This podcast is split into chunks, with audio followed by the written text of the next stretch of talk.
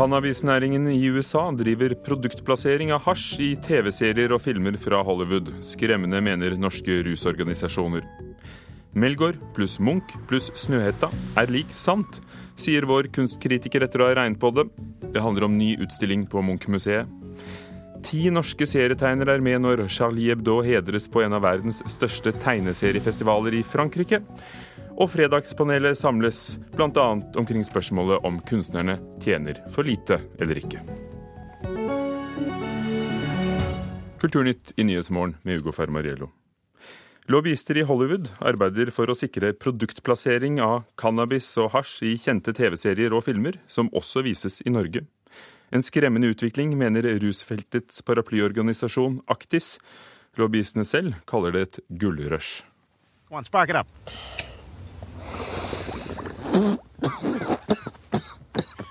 Good, eh? Når skuespiller Mark Wahlberg røyker vannpipe i filmen Ted, er det ikke sikkert det er tilfeldig når i filmen han gjør det, hva han røyker eller hvordan han røyker cannabis. For marihuana er i ferd med å bli big business i USA. Fire stater har legalisert rusmiddelet, og sterke krefter jobber for å gi det et positivt og grønt image. Det pågår et gullrush, forteller en av de mektigste aktørene i legaliseringsbevegelsen, Sheryl Schuman, som driver en egen cannabisfarm i California. Hun jobber med å produktplassere cannabis i film- og TV-serier. Blant dem er Parenthood og Weeds, som kan ses på norske TV6, og Wilfred på TV2. Schumann sier til Sveriges Radio at hennes viktigste jobb er å plassere cannabis i så normale og hverdagslige scener som mulig for å ufarliggjøre stoffet. Film, they send me the script. My job is to read it and break it down to where we can fit marijuana and marijuana products throughout that script. Where would it be a natural fit? And that's what we do. It is my life. Your life. And I want to be high. what is going on in your head?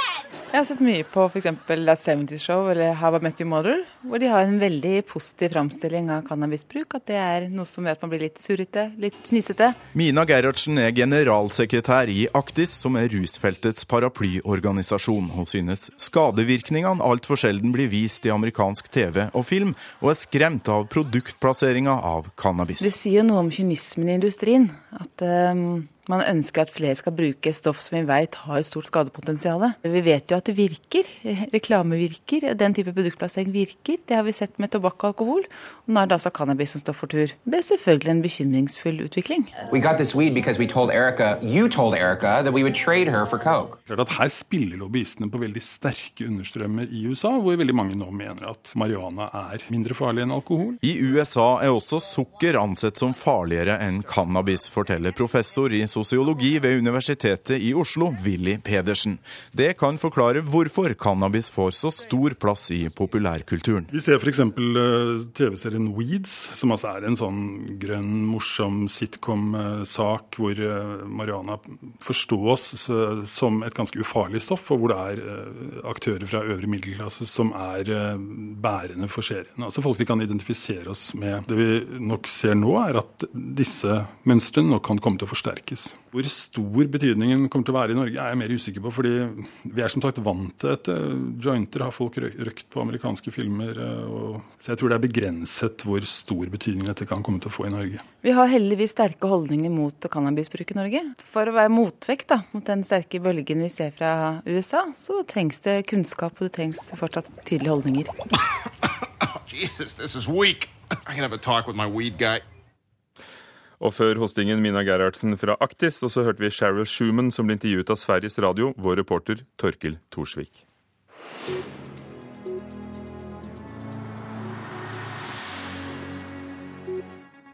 Neste stopp for regissør Morten Tyldum kan bli verdensrommet og science fiction-filmen 'Passengers'. Tyldum, som er Oscar-nominert for filmen 'The Imitation Game', er nå i samtaler med Sony om å regissere den romantiske sci-fi-filmen, ifølge filmbloggen Deadline. Historien om en mann som våkner opp ensom og alene på et romskip, har vært planlagt filmatisert i mange år, uten at prosjektet noensinne er kommet ordentlig i gang, men nå kan det bli Tyldum som lager den. I formiddag legges billettene til Åge Aleksandersens konsert i Royal Albert Hall i juni neste år ut for salg, men det blir bare mulig å kjøpe pakkeløsninger med fly og hotell, og minsteprisen er på nesten 8000 kroner. Vi ønsker at eh, de samme menneskene som kommer på Åges konserter i Norge, skal få tilgang til konserten i London, og ikke nordmenn som bor i England, opplyser konsertarrangøren komment til VG. Melgaard pluss Munch er utstillingen som kombinerer en av verdens mest kjente kunstnere, Munch, med en av vår tids mest kjente norske kunstnere, Bjarne Melgaard. Det har vært en interessant prosess og en interessant dialog mellom de to verkene, som jeg syns kuratoren har gjort på en veldig fin måte. Hva sier den dialogen deg? Den, den, dialogen sier vel noe om liksom eksistensielle problematikker er eh, ganske grunnleggende, og at de går over århundrer. At ting ikke kanskje er så forskjellig fra tidsepoke til tidsepoke. Føler du selv at det er et slektskap mellom deg og Munch? Eh, egentlig ikke. Altså, jeg, jeg, har gjort noen sånne parafraser på Munch, for Munch har jo vært en kunstner som er umulig på en måte å komme vekk ifra hvis du er norsk. Så, men jeg syns ikke jeg synes, Personlig så syns jeg ikke det. At det er så veldig mye slektskap sa Melgaard da vi møtte ham i går på museet. Utstillingen åpner i morgen for publikum på Munch-museet i Oslo. Og Mona Pali Bjerke, vår kunstkritiker, har Munch-museet gjort rett til å stille ut Bjarne Melgaard side om side med selveste Edvard Munch? Ja, dette er jo et veldig nærliggende valg. Det er jo på ingen måte overraskende. Man har veldig ofte snakket om det munkske ved, ved Melgaard. Men det er klart at jeg må si at jeg var litt nervøs på Melgaards vegne. For én ting er å være litt munksk på sitt mest briljante, en annen ting er å stille side om side med mesteren. Men nå er jo Melgaard også en eh, levende legende i norsk kunstliv. I, i en, mange, mange år så har han opprørt og ansporet med sine homoerotiske motiver, ofte med sadistisk og burleske innslag. Og han har jo blitt politianmeldt. Hans eh, verk er blitt eh, vandalisert. Så han er jo en kunstner som virkelig har skapt debatt og opprør og glede. Og hvilke forbindelser mellom Melgaard og Munch er det utstillingen griper fatt i? Det er veldig mange forbindelser mellom eh, Melgaard og Munch. Eh, det første man må nevne som er en veldig åpenbar forbindelse, er jo den dynamiske linjeføringen til Melgaard, som ligner veldig på Munchs eh, linjeføring, streken, altså det skissemessige uttrykket. Men som Melgaard selv nevnte, så har han også laget en del parafraser og, bearbeidet Munch-motiver. Og vi kan jo begynne med det, fordi det er der også utstillingen begynner i sal 1. Her da med bilder som henger ganske sirlig og tradisjonelt på veggen, med skilt eh, som skiller Melgaard fra Munch. Og her eh, har vi bl.a. kyss, en bearbeidelse av motivet kyss. Og dette overgivende kysset til Munch, der man ser mannen og kvinnens ansikt som glir over i hverandre, og hvor de er helt alene, og det er bare dette kysset. Hos Melgaard så er det det samme. Det er to menn som kysser hverandre grådig. Den ene mannen holder en, et fast grep rundt den andre mannens bak og trykker han inntil seg. Og de er ikke alene, sånn som hos Munch, for ved siden av dem så står det to underlig sånn lavpannede, siklende, plirende vesener, eh, som sikkert er da et bilde på, tenker jeg, liksom den dyriske dumskapen som preger driftslivet. Så det er veldig, veldig spennende um, tematisering eller bearbeiding. Så selv om han sa akkurat selv at han ikke følte noe slektskap med Munch, så gjør du det?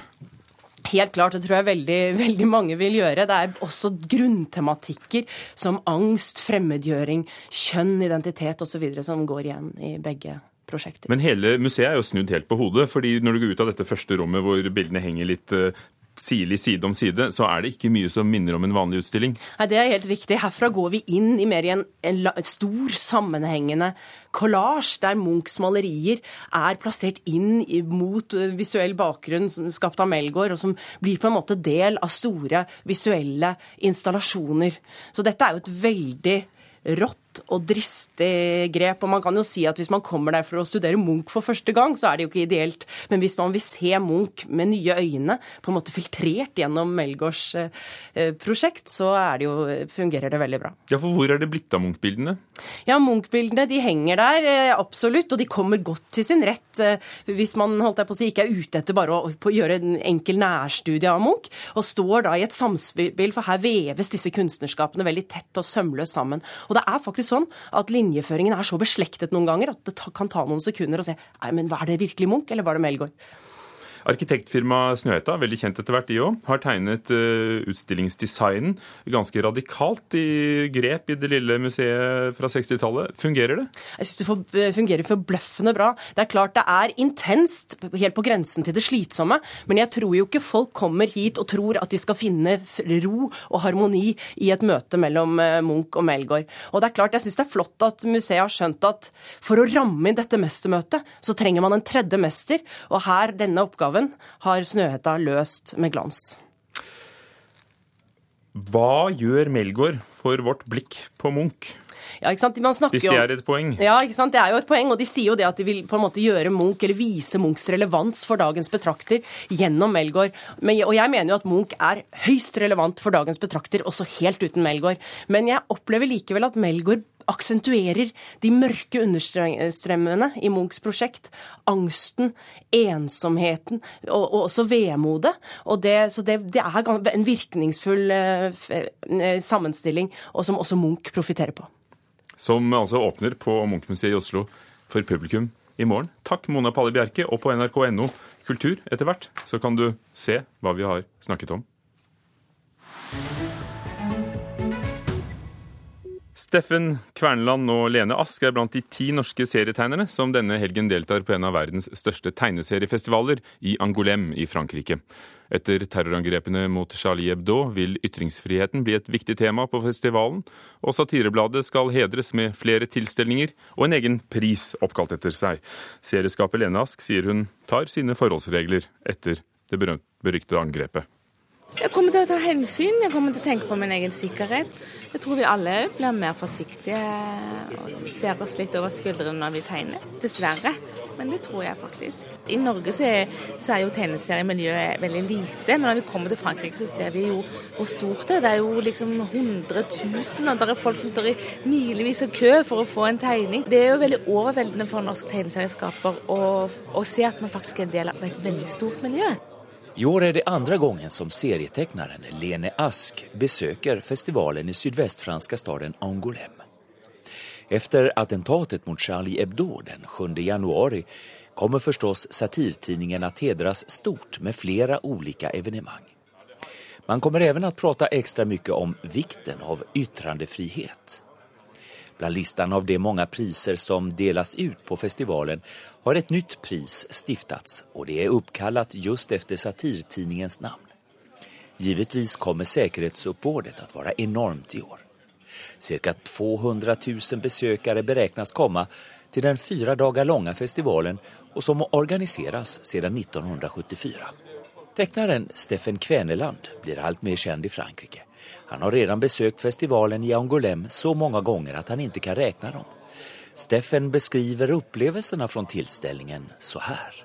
Jeg får alltid nye impulser. så Jeg begynner å bli gammel og satt i, i, i stilen min, men, eh, men jeg, jo, jeg, blir jo alltid sånn subtilt påvirka. Kjøper med meg noen bøker og, av noe nytt og noe, noe, som ser friskt og spennende ut. og så, så, så assimileres det nok litt inn. og så En liten vridning blir det nok.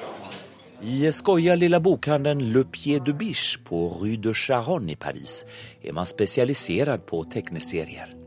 Ägaren, unga Tiffany Jalil, ordnade her om året en utställning med norska tegneseriekollektivet Dongeri. Hun utnevner entusiastisk norske serier til det mest ironiske og sarkastiske i världen.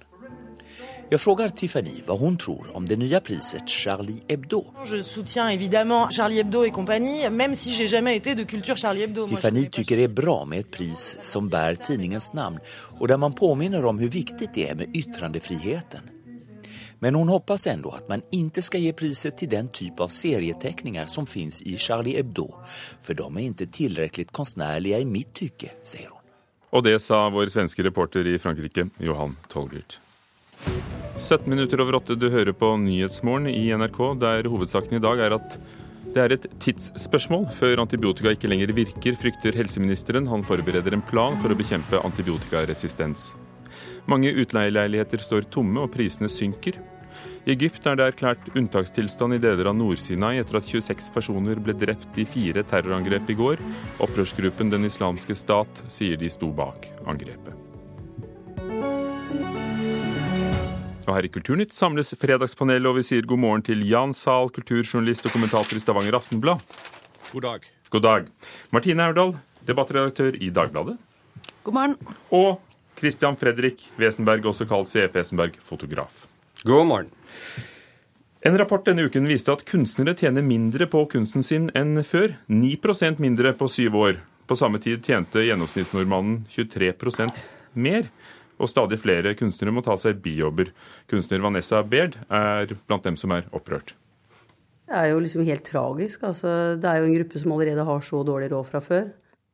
Er det en god utvikling at kunstnere får flere ben å stå på, Jan sal?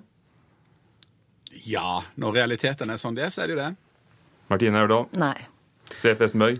Ja, dette reflekterer jo samtiden for de kunstnere som ønsker å reflektere samtiden. Du tar dissens. Hvorfor ikke, Martine? Det er jo positivt at det er eh, et økt antall kunstnere, som denne rapporten viser. Eh, men det fører jo også til at vi er nødt til å utvide markedet og videreføre de stipendordningene som regjeringen forsøkte å fjerne i statsbudsjettet i fjor.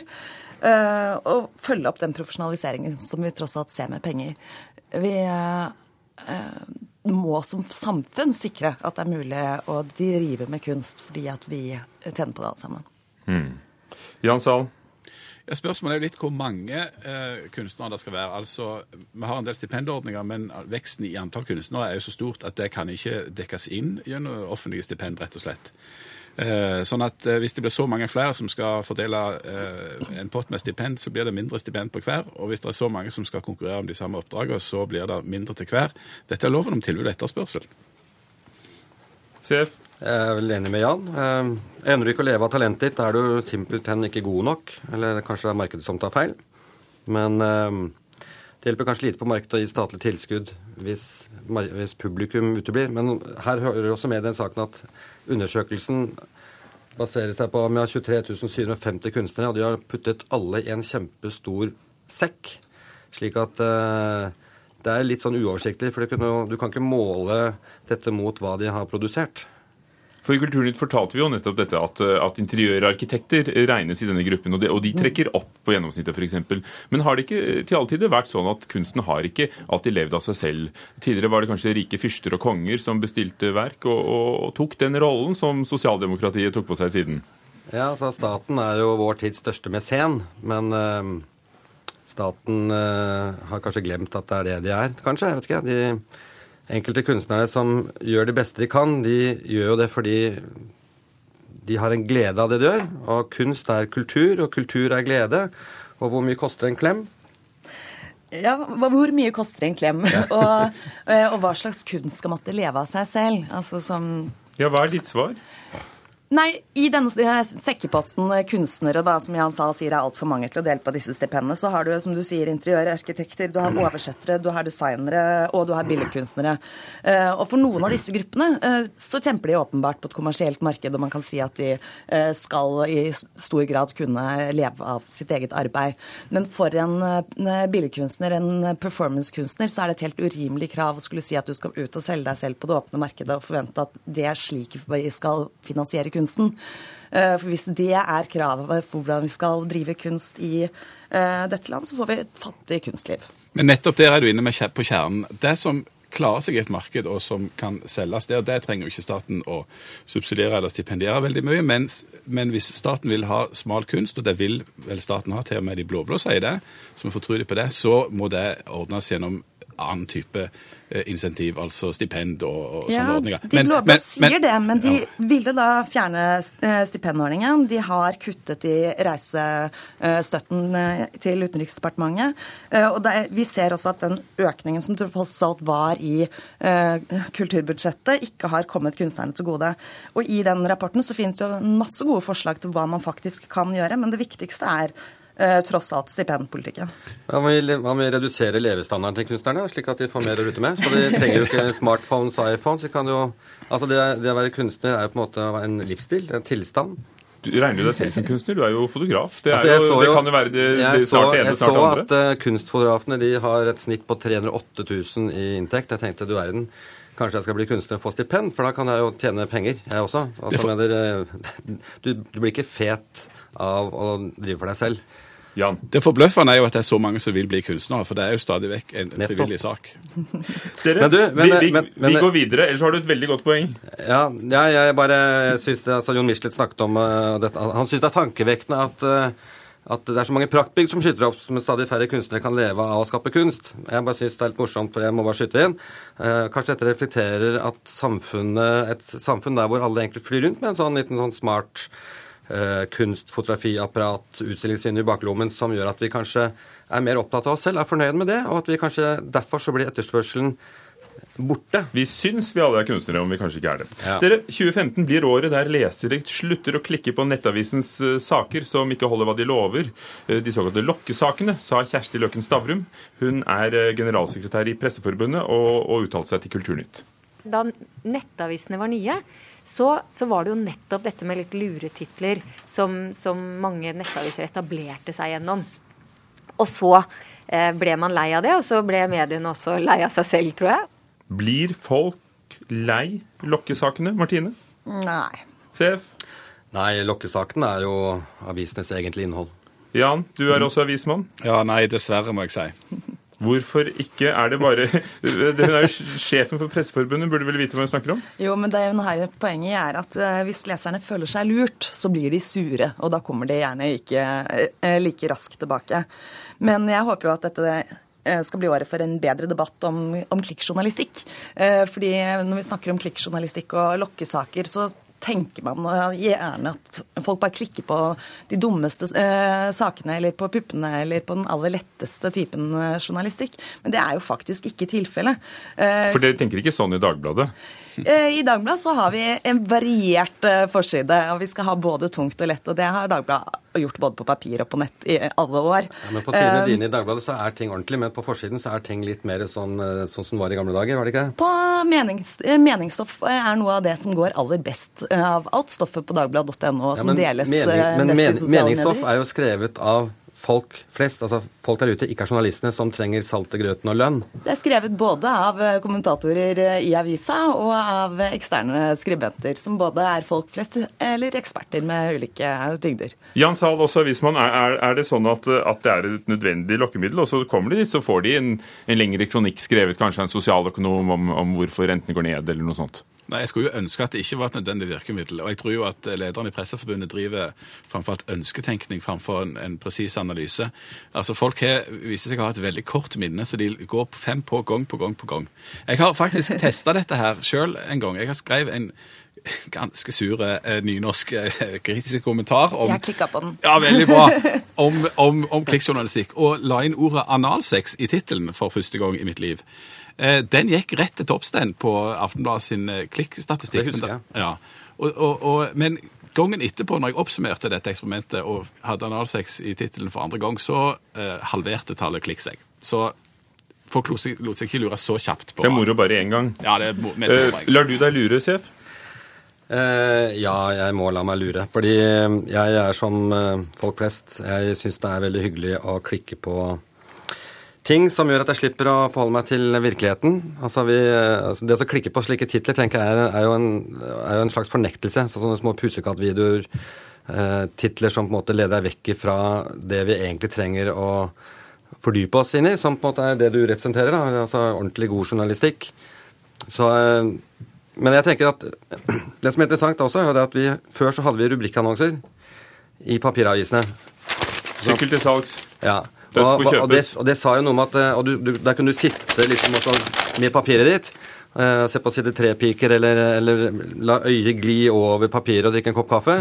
Nå gjør det samme, Folk gjør det samme nå med en iPad eller en, eh, en Mac-skjerm. altså sitter på skjermen og ser. Men mot, dette er jo på en måte avisens motor, og den har forflyttet seg til nett. Så hvis det vi egentlig snakker om, er sånn, er jo lønna di.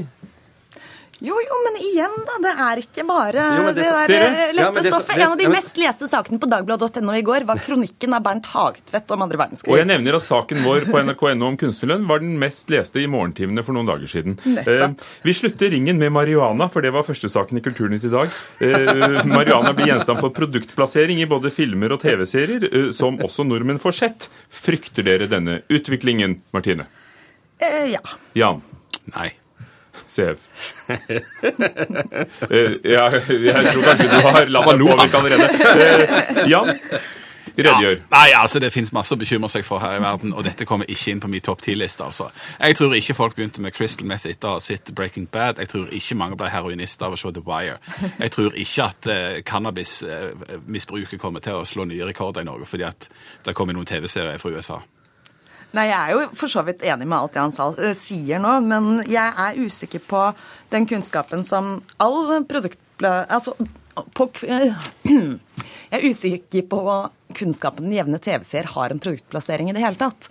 Uh, og det mener jeg er en bekymringsverdig uh, sak, uavhengig av hva man egentlig produktplasserer. Om det er marihuana eller melkesjokolade? Ja, så kan man si at det ene kanskje er litt mer problematisk enn det andre, men ja. ja. Men så er det jo en veldig sånn norsk og skandinavisk øvelse å gå rundt og bekymre seg for alt det kan være farlig. Og aller helst bør vi ha på oss hjelm. Men altså Slapp av, liksom. du lo først, og nå rister du på hodet. Nei, Jeg vokste opp i en tid hvor, uh, hvor, det å se på en joint var synonymt med å få en sprøyte i armen. Nå Dagens 14-, 15-, 16-, 17-åringer de, de, sitter og ser på en glasskjerm. Det er klart de vil bli påvirket av andre menneskers forbilders holdninger. Så jeg tenker når det gjelder rus, jo, vi skal være på vakt.